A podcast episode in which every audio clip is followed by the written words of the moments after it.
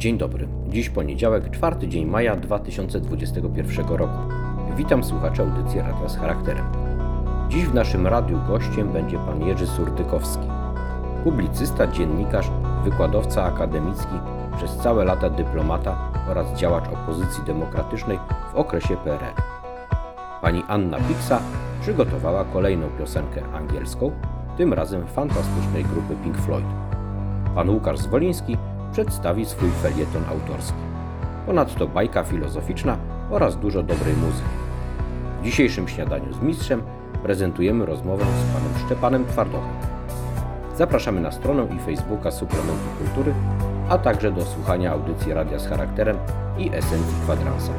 Serdecznie pozdrawiamy wszystkich słuchaczy.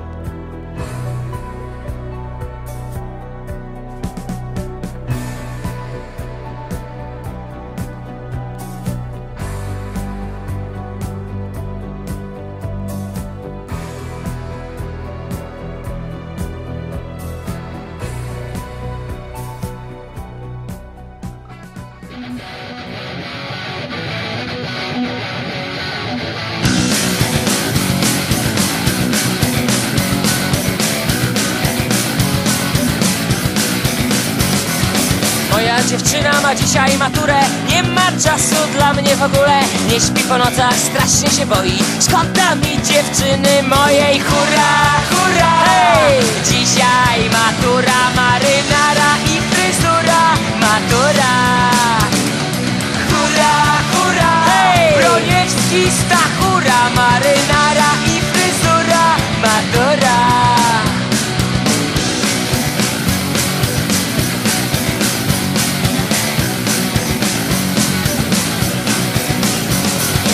Mój kolega ma dzisiaj maturę. Nie ma czasu na piwo w ogóle. Buchnął oczy w gardle suszy Szkoda mi tak młodej duszy. Hurra, hurra! Hej! Dzisiaj matura, marynara i fryzura. Matura! Hurra, hurra! Hej! Broniewski, Stachura Marynara i fryzura. Matura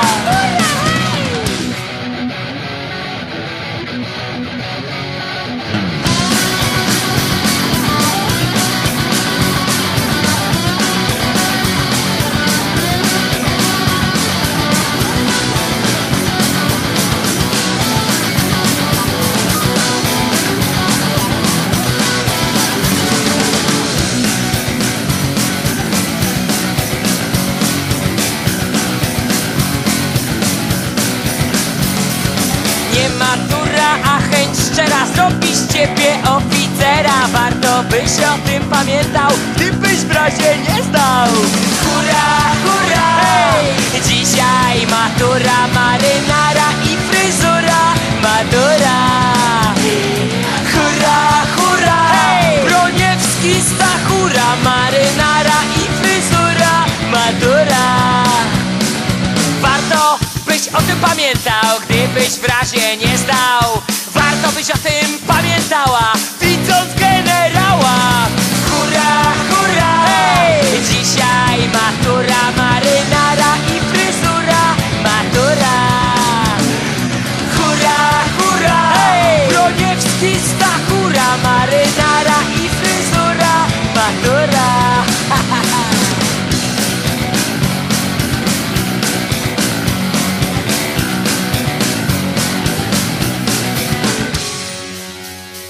Dobry, jak zawsze mam wielką radość, przyjemność przywitać pana Jerzego Surdykowskiego. Dzień dobry panu. Dzień dobry. E, Za oknem wiosna, a ja z bogactwa pańskich różnych talentów i e, pasji życiowych chciałem dzisiaj z panem porozmawiać o literaturze. Ma pan za sobą i epizod e, dramatopisarski, ma pan za sobą również napisanie e, powieści, o której, którą gatunkowo trudno określić, a o której pisał innymi mm, w recenzji Krzysztof Zanussi. O samych książkach, o samych dramatach chciałbym innym razem z Panem porozmawiać, ale po pierwsze chciałbym się spytać Pana, czym dla e, osoby o tak wielu zainteresowaniach jest literatura? Pan, to trudne pytanie, bo sięgające w głąb duszy. Dla mnie literatura jest sposobem wypowiedzenia rzeczy, których spraw, e, których nauka nie jest w stanie wypowiedzieć, bo trzyma się pewnych rygorów w literaturze, wszystko wolno. Byleby to się mieściło w jakichś kanonach, nie wiem, piękna,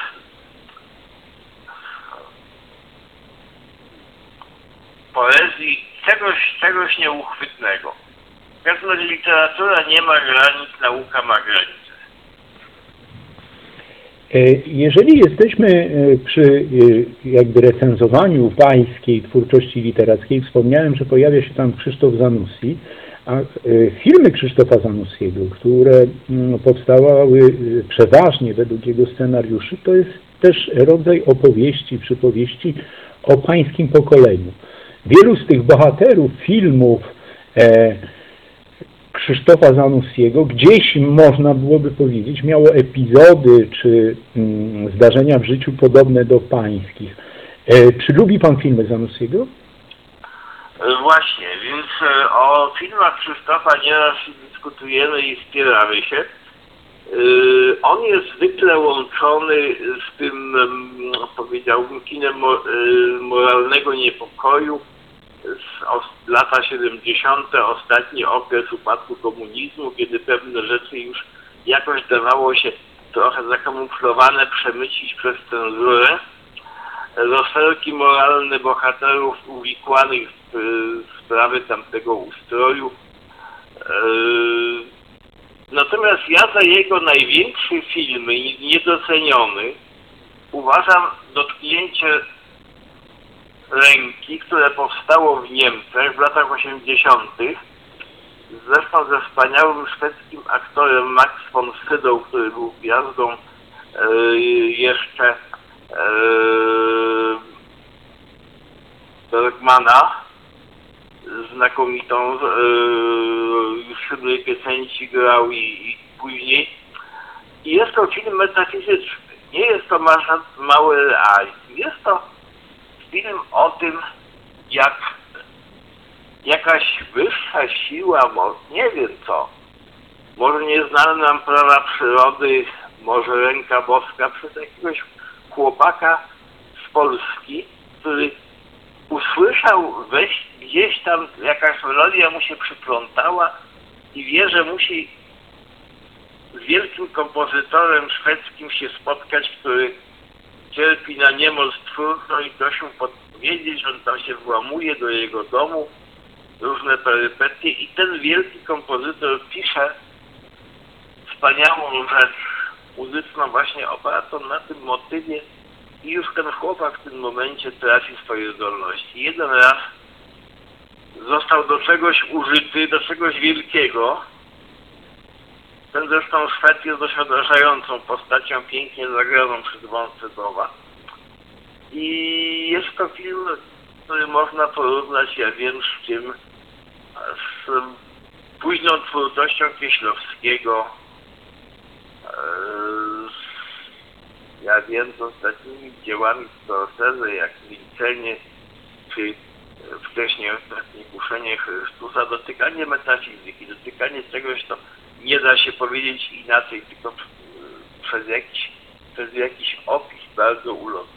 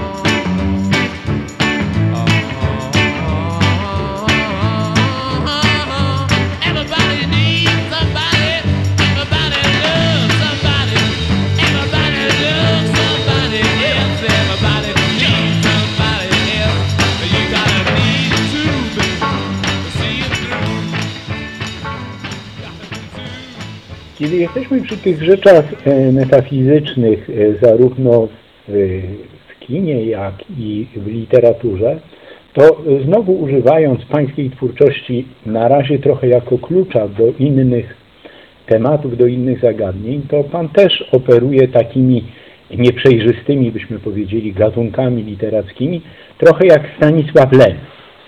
I mm, y, jeżeli jesteśmy e, przy Krakowie, którym Pan mieszka, e, jeżeli jesteśmy przy polskiej literaturze, która właśnie dotyka czegoś metafizycznego, ale nie z pozycji e, takiej, e, byśmy powiedzieli, nie wiem, książkowo-teologicznej, tylko właśnie takiej zmuszającej wolnego człowieka do myślenia i do stawiania pytań, na które, tak jak Pan wspomniał, nauka nie potrafi odpowiedzieć, no to trudno przejść obojętnie koło twórczości Lema.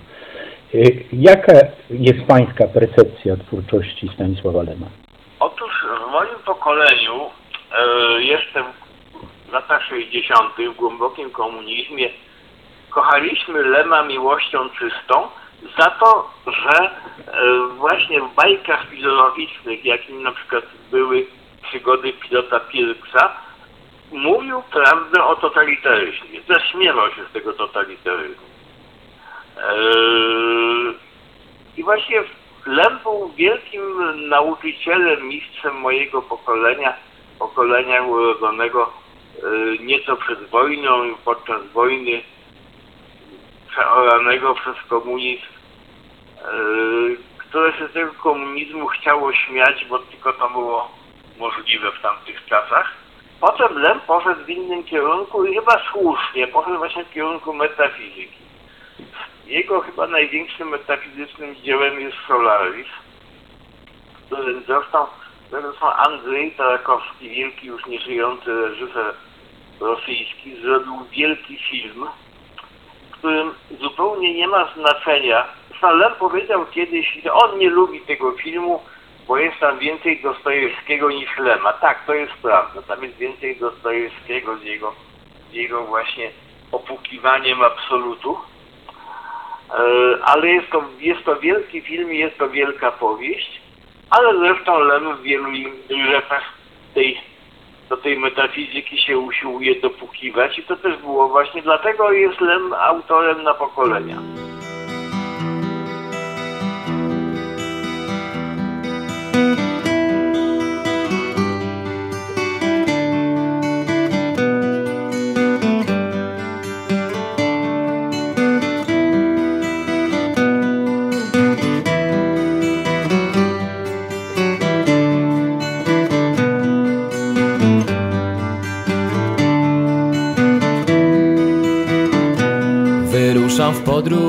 Całkiem nową, drogą nieznaną, kolorową. Lecę wysoko, patrzę do góry, słońce rozjaśnia ciemne chmury. W kalejdoskopie widok się zmienia, spełniają się skryte marzenia, nadejdzie cisza.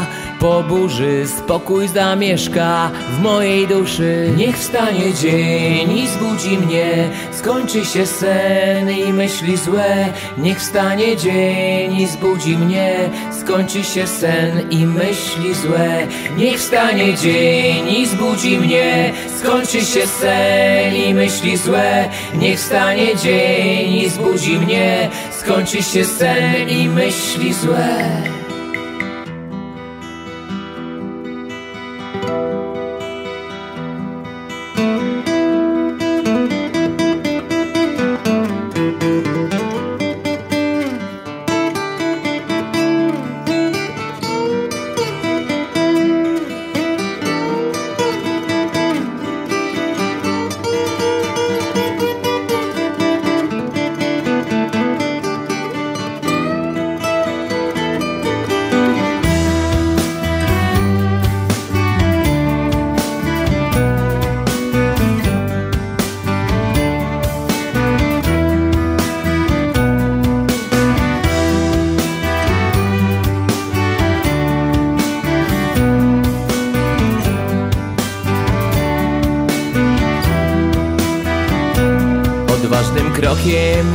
Przed siebie, w ręku mam kwiaty, nie kamienie, serce otwieram, czuję, że żyję, myślę więc jestem.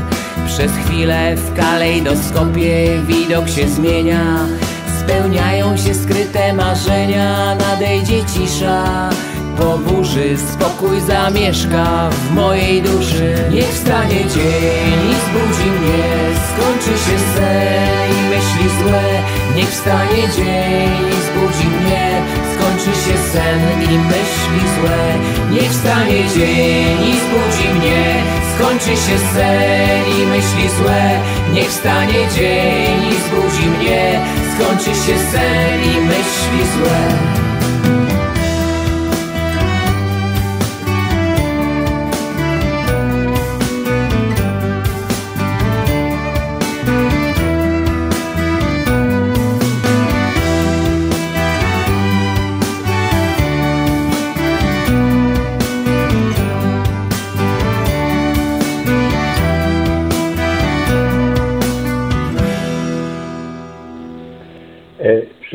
Pan książkę e, e, niezwykłą, bo nie tylko zekranizowaną przez e, Andrzeja Tarkowskiego, później zekranizowaną w Hollywood, jeszcze za życia Stanisława Lema.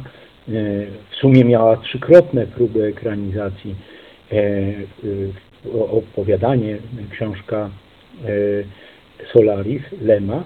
Ale chciałbym Pana spytać o coś innego. Lem był mistrzem e, też i, e, człowiekiem bardzo kontaktowym, opowiadającym o swoim życiu, wywiadach w rzece, w filmie dokumentalnym, ale tak opowiadającym, że to, co go spotkało e, i jego rodzinę w Lwowie, i losy jego rodziny, i jego myślenie o emigracji w 1968 roku, to w ogóle się tam nie pojawia.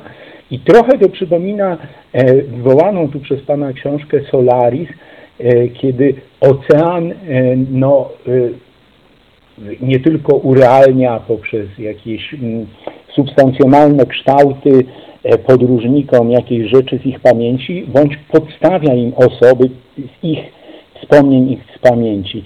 Jak Pan, właśnie mówiąc, że jest Pan po części rówieśnikiem tego pokolenia Lema, odbiera to, tą tajemnicę Lema, że pewnych rzeczy z historii swojego życia, z tego, czego doświadczył, czego doświadczyła jego rodzina, nigdy nie chciał opowiedzieć.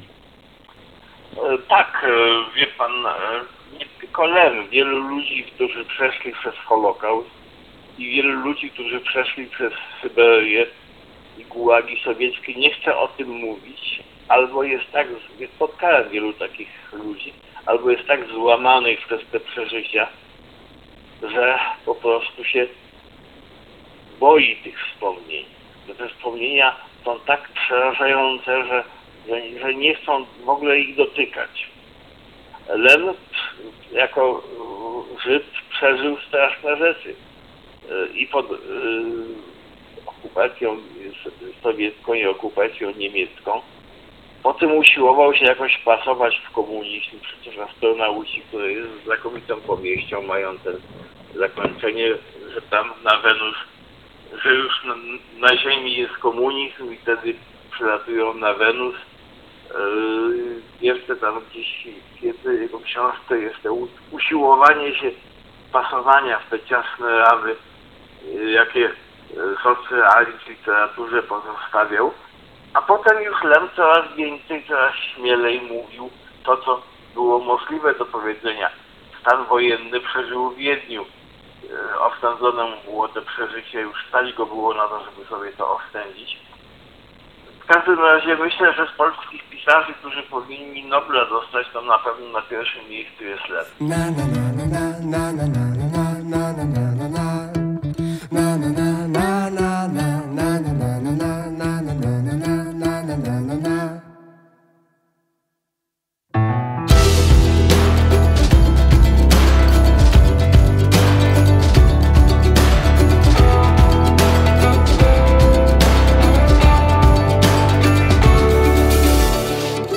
Jestem tu zupełnie sam. Choć przed chwilą stałem w tłumie. Leżę pośród czterech ścian. Czuję jakbym w środku chcę spaść. Moje ciało nie podniesie mnie. Przecież ty masz tak jak ja Że wszystkiego coraz więcej chcesz. Więcej chcesz I to zapiera. Dech, że jest coś, a nie nic. Gdy budzisz się, to nadal jesteś ty. I to zapiera dech, że obok ciebie jest ktoś I że mogło być nic. A jest wszystko. A jest wszystko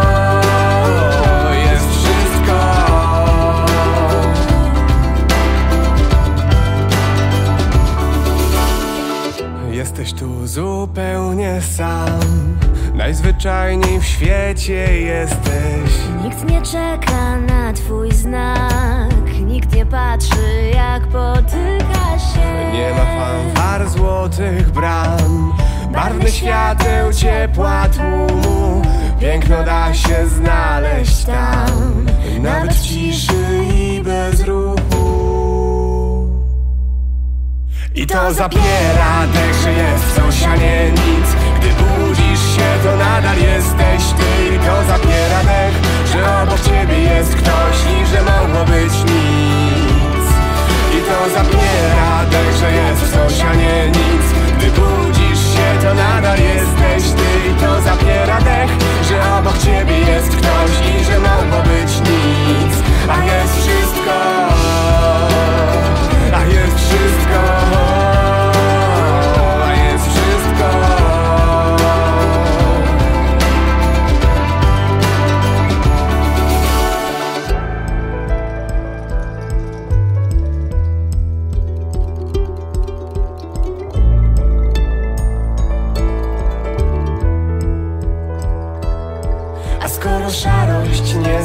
zachwyca To ilu potrzebujesz barw? Bo chociaż wczoraj zaszło słońce To nie musi jutro wstać. I to zapiera dech, że jest coś, a nie nic. Gdy budzisz się, to nadal jesteś ty. I to zapiera dech, że obok ciebie jest ktoś I że mogło być nic. I to zapiera dech, że jest coś, a nie nic budzisz się, to nadal jesteś ty I to zapiera dech, że obok ciebie jest ktoś I że mogło być. A jest wszystko A jest wszystko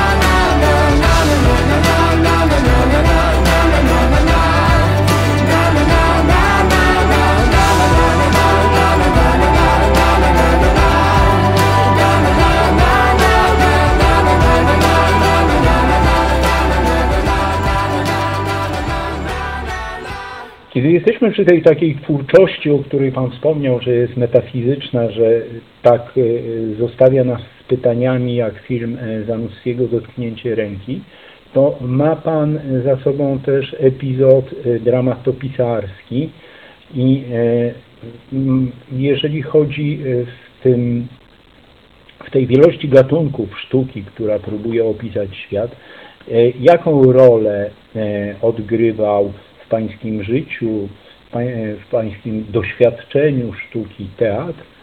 I jeżeli jesteśmy przy teatrze, to którzy twórcy, którzy dramatopisarze wydają się Panu tacy zapomnieni, którzy powinni wyjść z cienia poprzez y, no, wizytę naszych słuchaczy, dzieci z naszej szkoły w teatrze?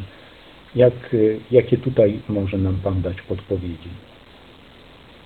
No, oczywiście są te wielkie nazwiska, jak Samuel Beckett choćby, który trudno mu coś usknąć, ale dramatem na dzisiejsze czasy jest Homo Faber Maxa Friescha, który mówi o tym, mówi także o dzisiejszej Polsce pod władzą PiSu.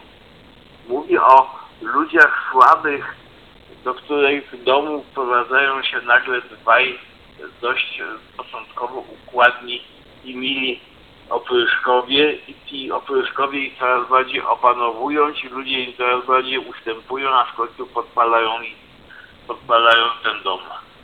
I coś takiego nasz nie, nie homofaber, Biedermanie podpalacze, homofaber powieść. powieść. Tak. Tak. Bidermany podpalacze.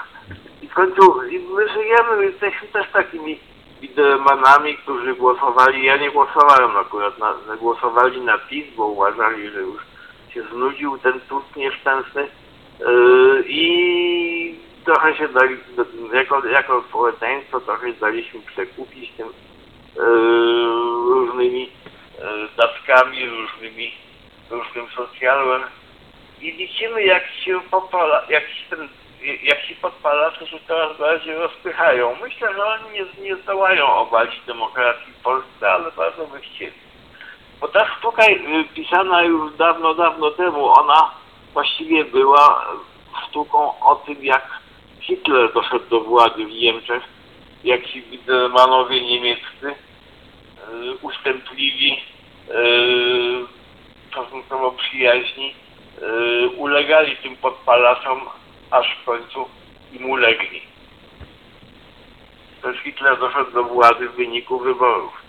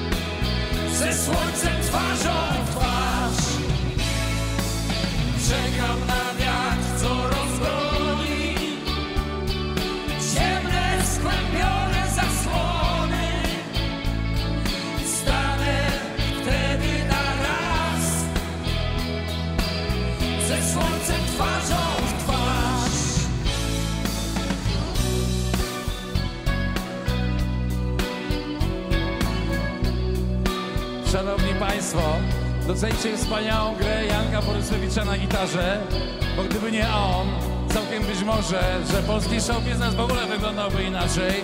Uczcie się od takich ludzi jak on, bo to jest najważniejszy gość. Kłamstwowite Toną w ślepych kałużach Przez okno patrzę znużona Z myślę o burzy słońce wysoko, wysoko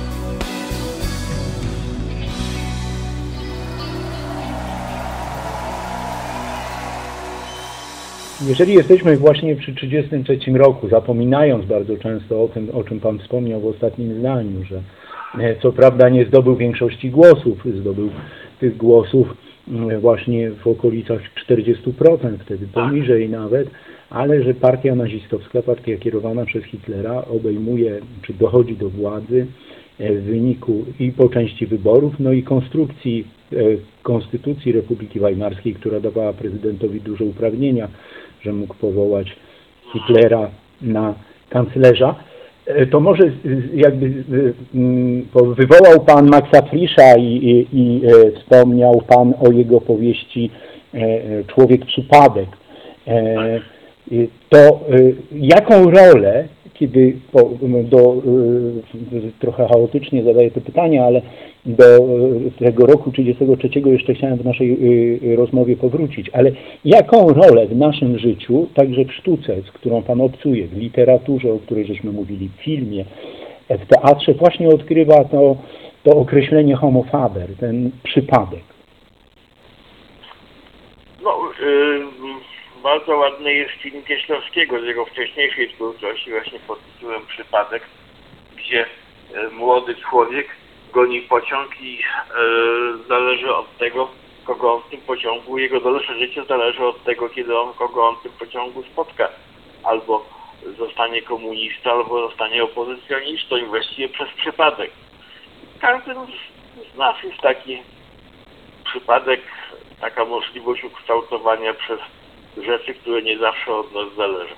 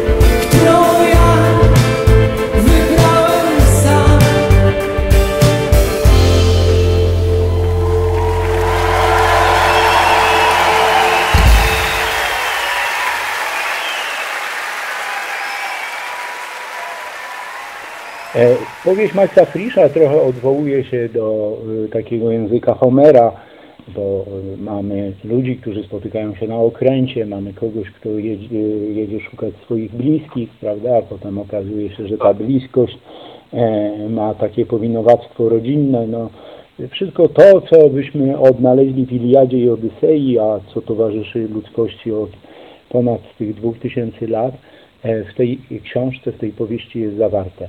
Ale wracając właśnie do tego, co Pan e, przytoczył, do tego roku 33, e, to pozostajemy w takim niezwykłym mieście, które długo opierało się nazistom i które e, dziś na nowo pojawia się w kinie, pojawia się w serialach, pojawiało się w słynnym filmie Kabaret, czyli mowa o Berlinie. I ten Berlin, który był synonimem wolności w Republice Weimarskiej, za, w ciągu paru miesięcy, w ciągu paru lat e, staje się synonimem e, czegoś takiego, co e, zostało wyróżone, wy- wy- jakby pokazane w filmie Triumf Woli, staje się synonimem zniewolenia, staje się synonimem nazizmu. Jak, jak powinniśmy się bronić przed właśnie takimi podpalaczami? Myśleniem, niezależnym myśleniem. Y, Tego właśnie nie uczy szkoła. Nie wiem jak y, szkoły w innych krajach, ale myślę, że podobnie.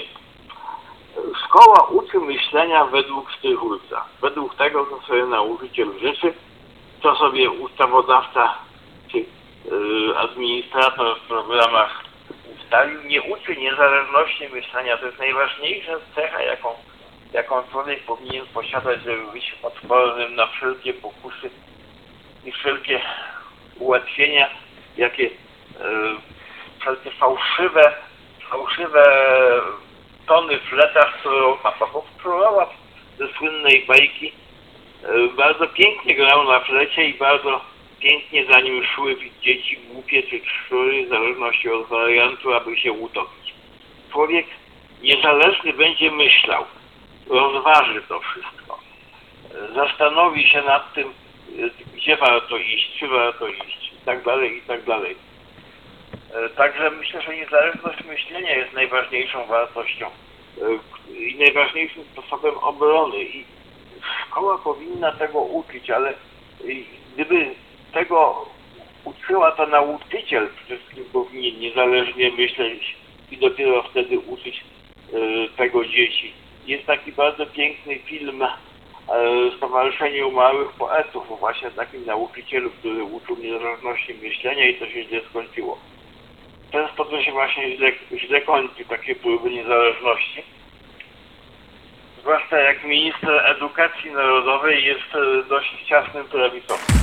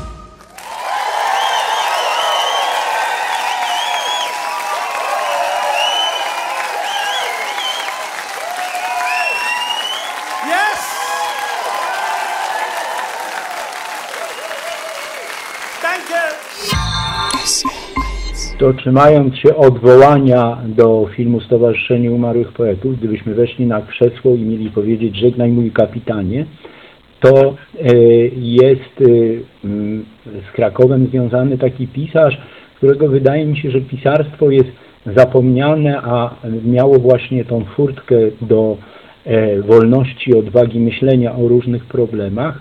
To jest Jan Józef Szczepański. Czy e, jego opowiadania gdzieś e, w życiu e, pańskim się pojawiły? Tak, zdecydowanie tak.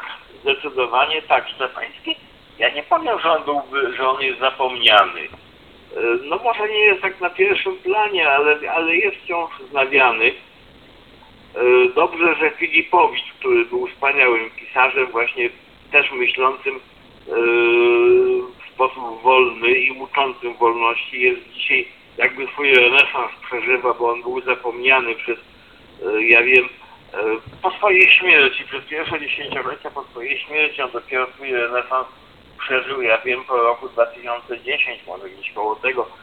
Szczepański też, właśnie jego opowiadania e, pozostaną na zawsze. Poza tym był wspaniały, podobnie jak Filipowicz, wspaniałym człowiekiem, z którym się chciało rozmawiać.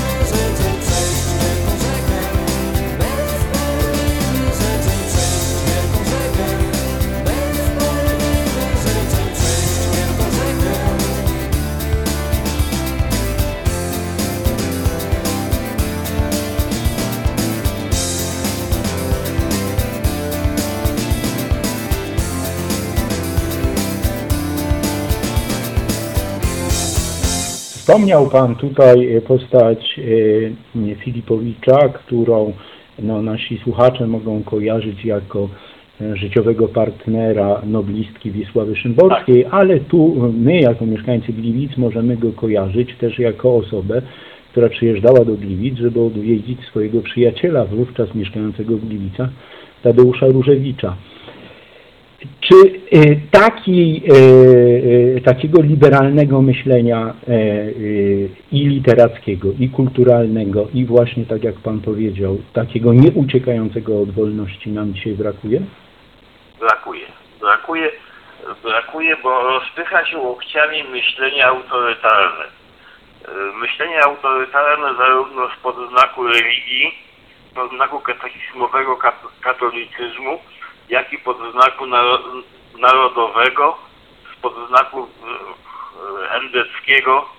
Y, I te, myśl, te łatwe myślenie, ułatwione. Podobnie Zresztą e, kiedyś na początku chyba XX wieku niemiecki socjaldemokrata August Bebel nazwał antysemityzm socjalizmem idiotów, idiotem socjalizmu.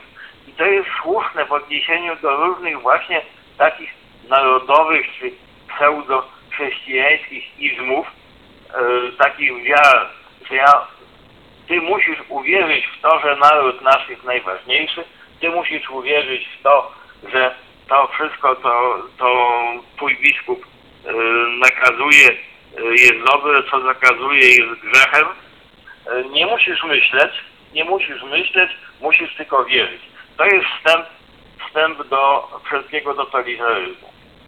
I ten wszelki totalitaryzm najróżniejszej maści, faszystowski, komunistyczny, yy, katolicki, jaki pan tylko chce, on wyrasta z wiary, z bezkrytycznej wiary.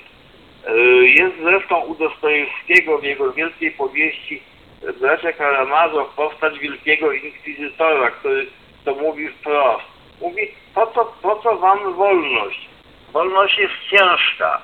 Wolność wymaga odpowiedzialności. Człowiek jest słaby. Człowiek chce mieć spokój. I właśnie przeciętny człowiek słaby chce mieć spokój. W Coś uwierzy, gdzieś się zapisze i sobie spokojnie żyje. I to jest to nieszczęście. Wolność kosztuje. Niezależne myślenie kosztuje.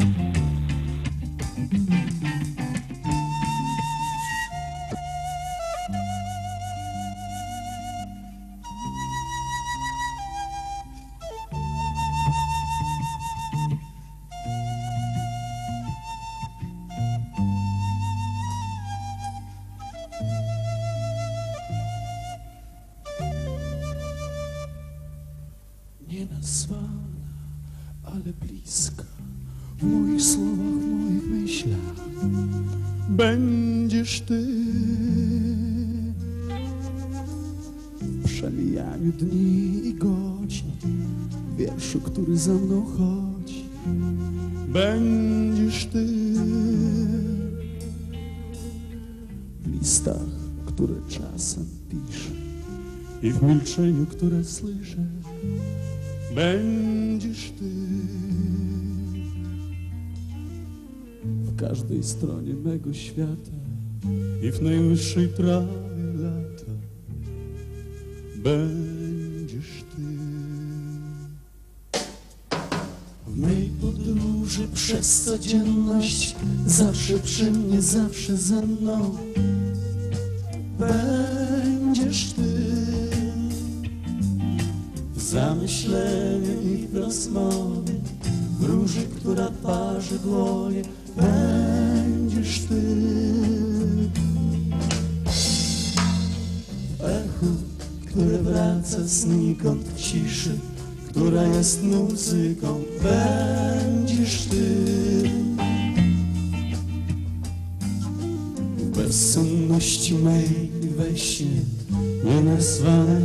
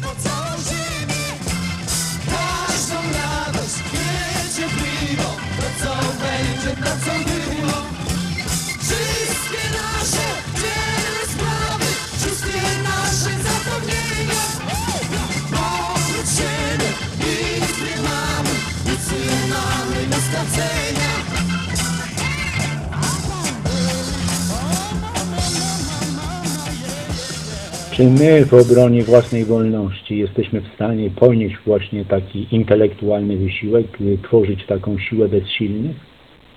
Dopóki, że tak, dopóki myślimy niezależnie, dopóki w ogóle myślimy, to znaczy, że jest to możliwe. Kiedy, yy, jeśli by zapanował na świecie system, w którym tępiona jest wszelka wolna myśl, a takich utopii jest wiele, to wtedy znaczyłoby, że przegraliśmy. No, ma- miejmy nadzieję, że tak się nie stanie. Między innymi dzięki rozmowie z Panem. Dzisiaj naszym nauczycielem wolności był Pan Jerzy Surdykowski. Dziękujemy za dzisiejszą rozmowę i pozwolimy sobie zadzwonić za tydzień. Dziękuję Państwu, do widzenia.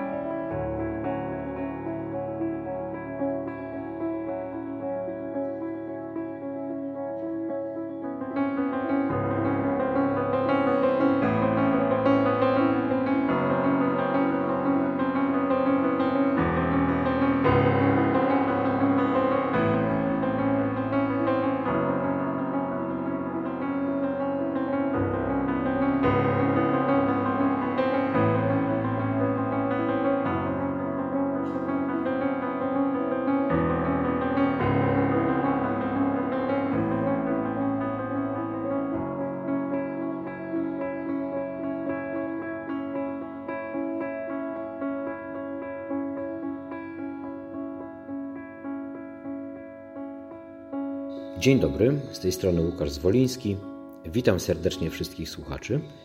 Zapraszam do wysłuchania mojego, może nie felietonu, ale zachęty do przeczytania pewnej książki zatytułowanej Śladami Szeli, czyli Diabły Polskie. Jest to książka napisana przez współczesnego historyka, dziennikarza, pana Piotra Korczyńskiego. Piotr Korczyński w sposób bardzo lekki, dociekliwy, napisał książkę niebanalną. Zapuszcza się na tereny niemalże nieobecne w podręcznikach, ale także interpretuje, analizuje popularne nasze polskie narodowe mity oraz legendy. Jedne poddaje krytycznej weryfikacji, z innych wydobywa racjonalne jądro.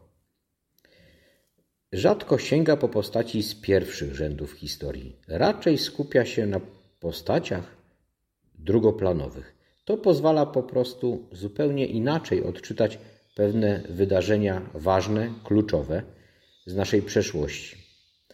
Łączy wiele wątków kulturowe, społeczne, polityczne, dlatego że one wszystkie splatają się na przestrzeni wieków i przekonuje, że dopiero z perspektywy drugiego planu oficjalnej historii otrzymujemy wolny od fałszywych stereotypów obraz wydarzeń. Pozwolę sobie przeczytać Państwu wstęp do książki. Nad wejściem do katedry wawelskiej wiszą na łańcuchach kości mamuta, nosorożca i walenia. W średniowieczu wierzono, że to szczątki smoka, który żył niegdyś w podwawelskiej grocie. Powieszone nad bramą katedralną miały odstraszać złego ducha od strefy sakrum. Kości smoka pilnowały doczesnych szczątków polskich władców i bohaterów narodowych. Legenda zmieszała się z historią i powstał piękny mit, jeden z wielu. Kiedy zaborcy wymazali pierwszą Rzeczpospolitą z mapy Europy, naród, by przetrwać, zaczął żyć starymi mitami i tworzył nowe. Te dawne dotyczyły minionej potęgi. Przypominano w nich zarówno o zwycięstwach, jak i wielkiej tolerancji polskich władców. Wynoszono pod niebiosa ustrój Rzeczypospolitej, dający szlachcie niespotykane gdzie indziej przywileje. Z drugiej strony wskazywano diabelskie siły, które ściągnęły na ojczyznę nieszczęścia i doprowadziły do jej unicestwienia. Pod zaborami, po każdym kolejnym przegranym zrywie zbrojnym, rodziły się nowe legendy. Naczelnika Kościuszki, prowadzącego kosynierów na rosyjskie działa pod Racławicami, legionów generała Dąbrowskiego, który z ziemi włoskiej niósł wolność, i ta największa, cesarza Napoleona, który tę wolność przyniósł na bagnetach swej wielkiej armii. Choć zaraz pogrzebana została ona w wojnie z Rosją w 1812 roku. Legendą napoleońską żyło kilka kolejnych pokoleń, aż do klęski powstania styczniowego, którego tradycja okazała się znowuż zaczynem legionów polskich Józefa Piłsudskiego. Komendant przypominał podkomendnym o garstce straceńców, którzy w styczniu 1863 roku prawie bezbronni odważyli się rzucić wyzwanie wielkiemu imperium carów. Gdy Polska odzyskała w 1918 roku niepodległość, weterani powstania styczniowego, którzy dożyli tej szczęśliwej chwili, otrzymali szczególny status. Stali się w II Rzeczypospolitej dosłownie żywymi legendami. Klęska września 1939 roku i lata II wojny światowej przyniosły nowe mity, które dyskutowane są do dzisiaj. Świetność II Rzeczypospolitej, Powstanie Warszawskie, Monte Cassino, Lenino i wiele innych.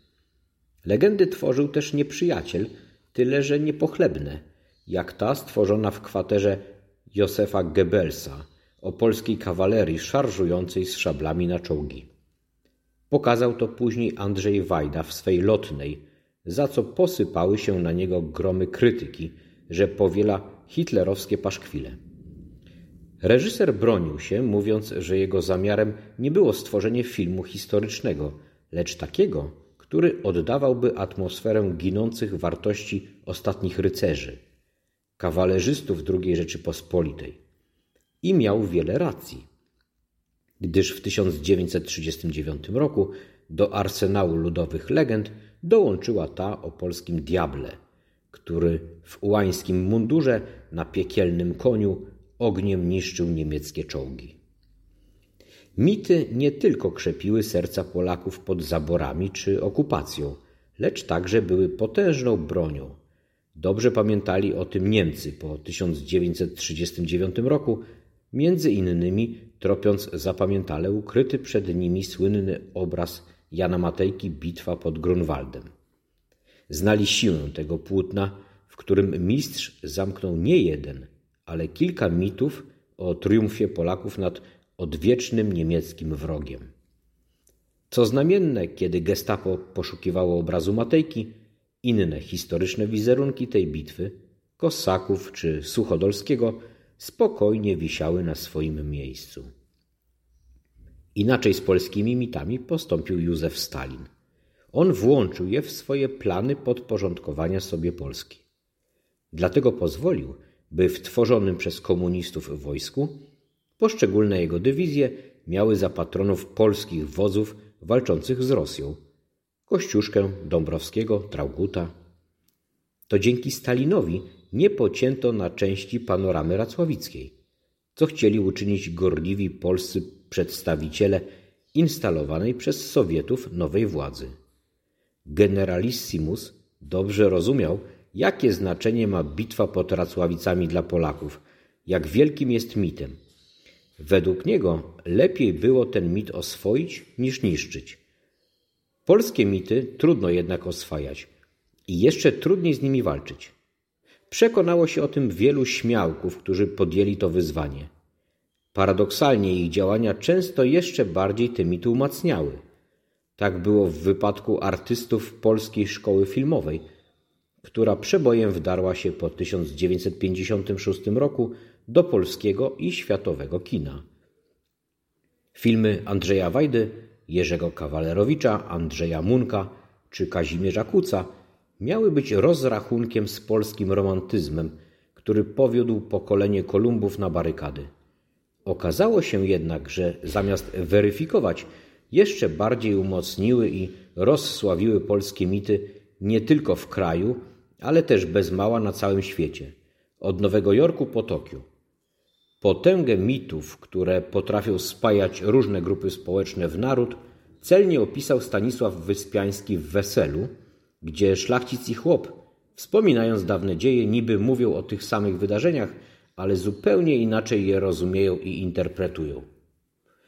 Pan młody, jak się wszystko dziwnie plecie.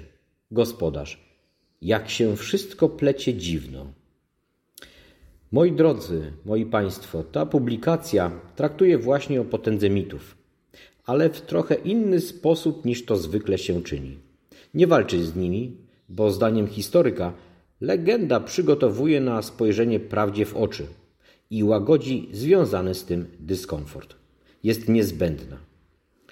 Tak jak niezbędne jest nasza, niezbędna jest nasza walka ze stereotypem. Y, artyści w Polsce nierzadko równi byli wielkim wodzom, historykom czy politykom, a najczęściej niestety przejmowali także ich rolę. Zapraszam Państwa również do odwiedzania Facebooka i strony Suplementu Kultury, a także do słuchania naszej audycji z cyklu Esencja Kwadransa. Jestem dumny z tej piosenki dzięki Wam.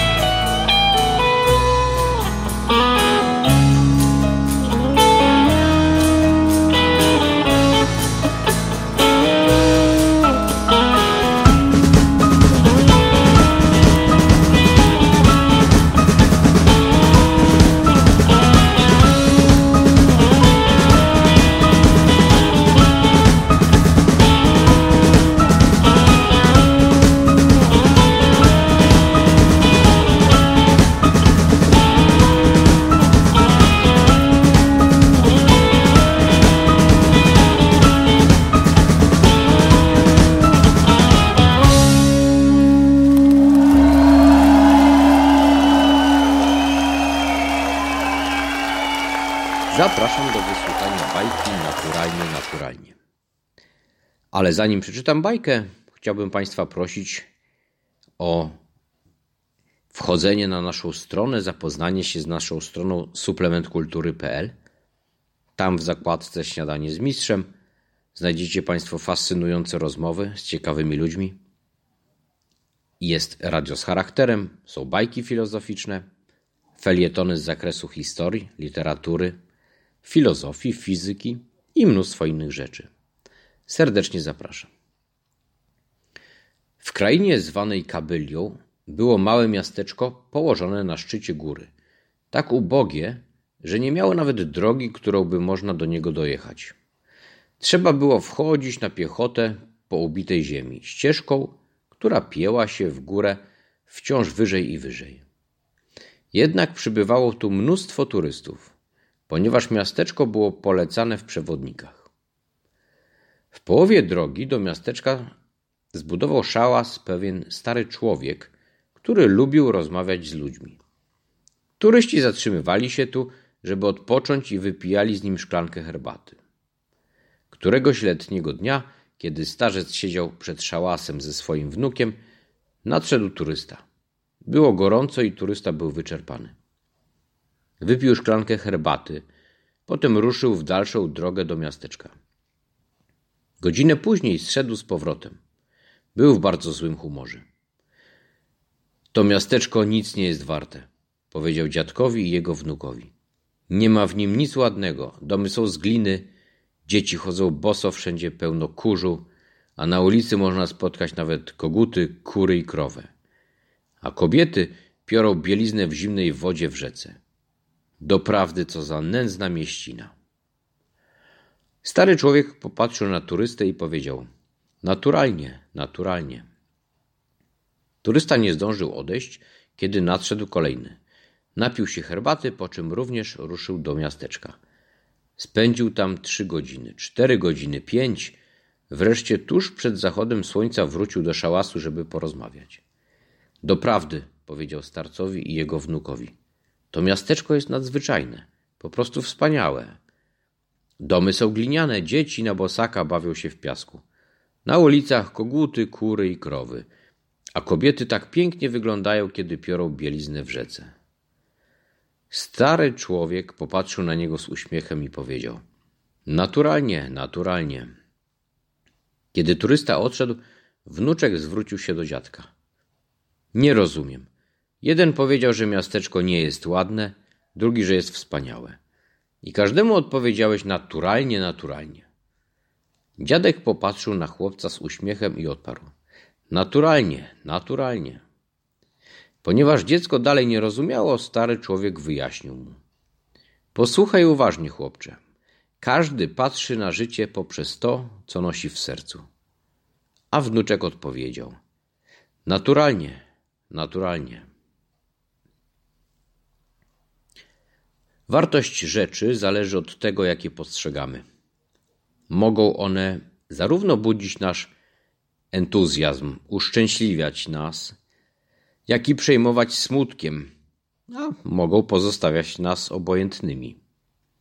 Krajobraz, muzyka, rozmowa dla jednego bywają źródłem ogromnej radości, dla innego wielkiej nudy.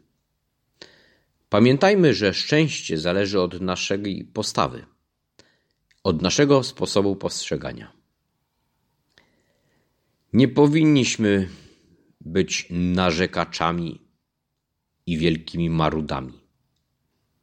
Bądźmy otwarci, skorzy do zachwytu. Zapewne w tym tkwi jedna z tajemnic szczęśliwego życia. Czy znacie osoby przypominające obu turystów? Jedne gotowe wszystko krytykować, a drugie nastawione pozytywnie do świata.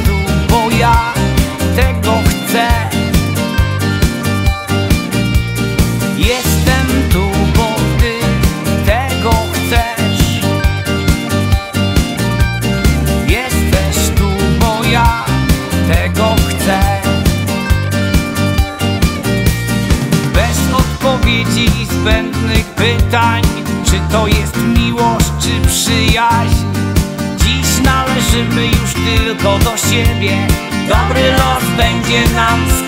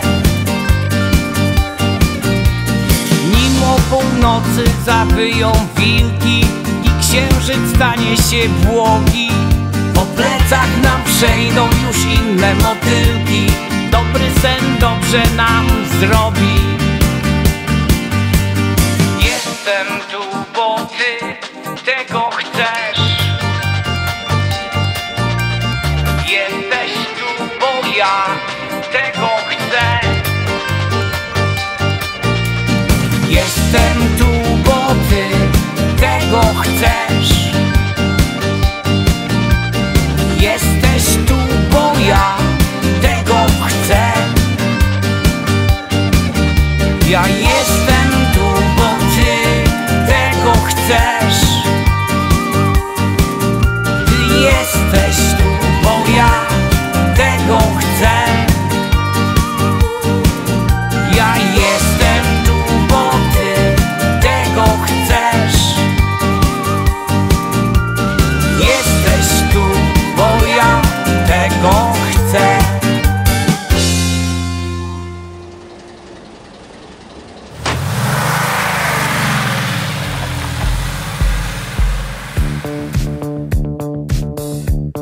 Dziękujemy za uwagę. Zapraszamy do słuchania kolejnej audycji Radia z Charakterem.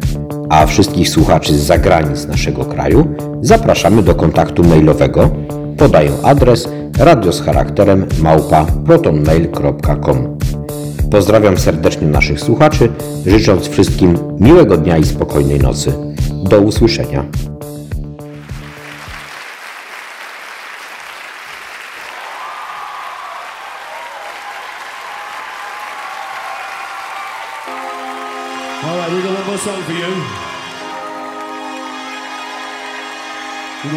recognize this one.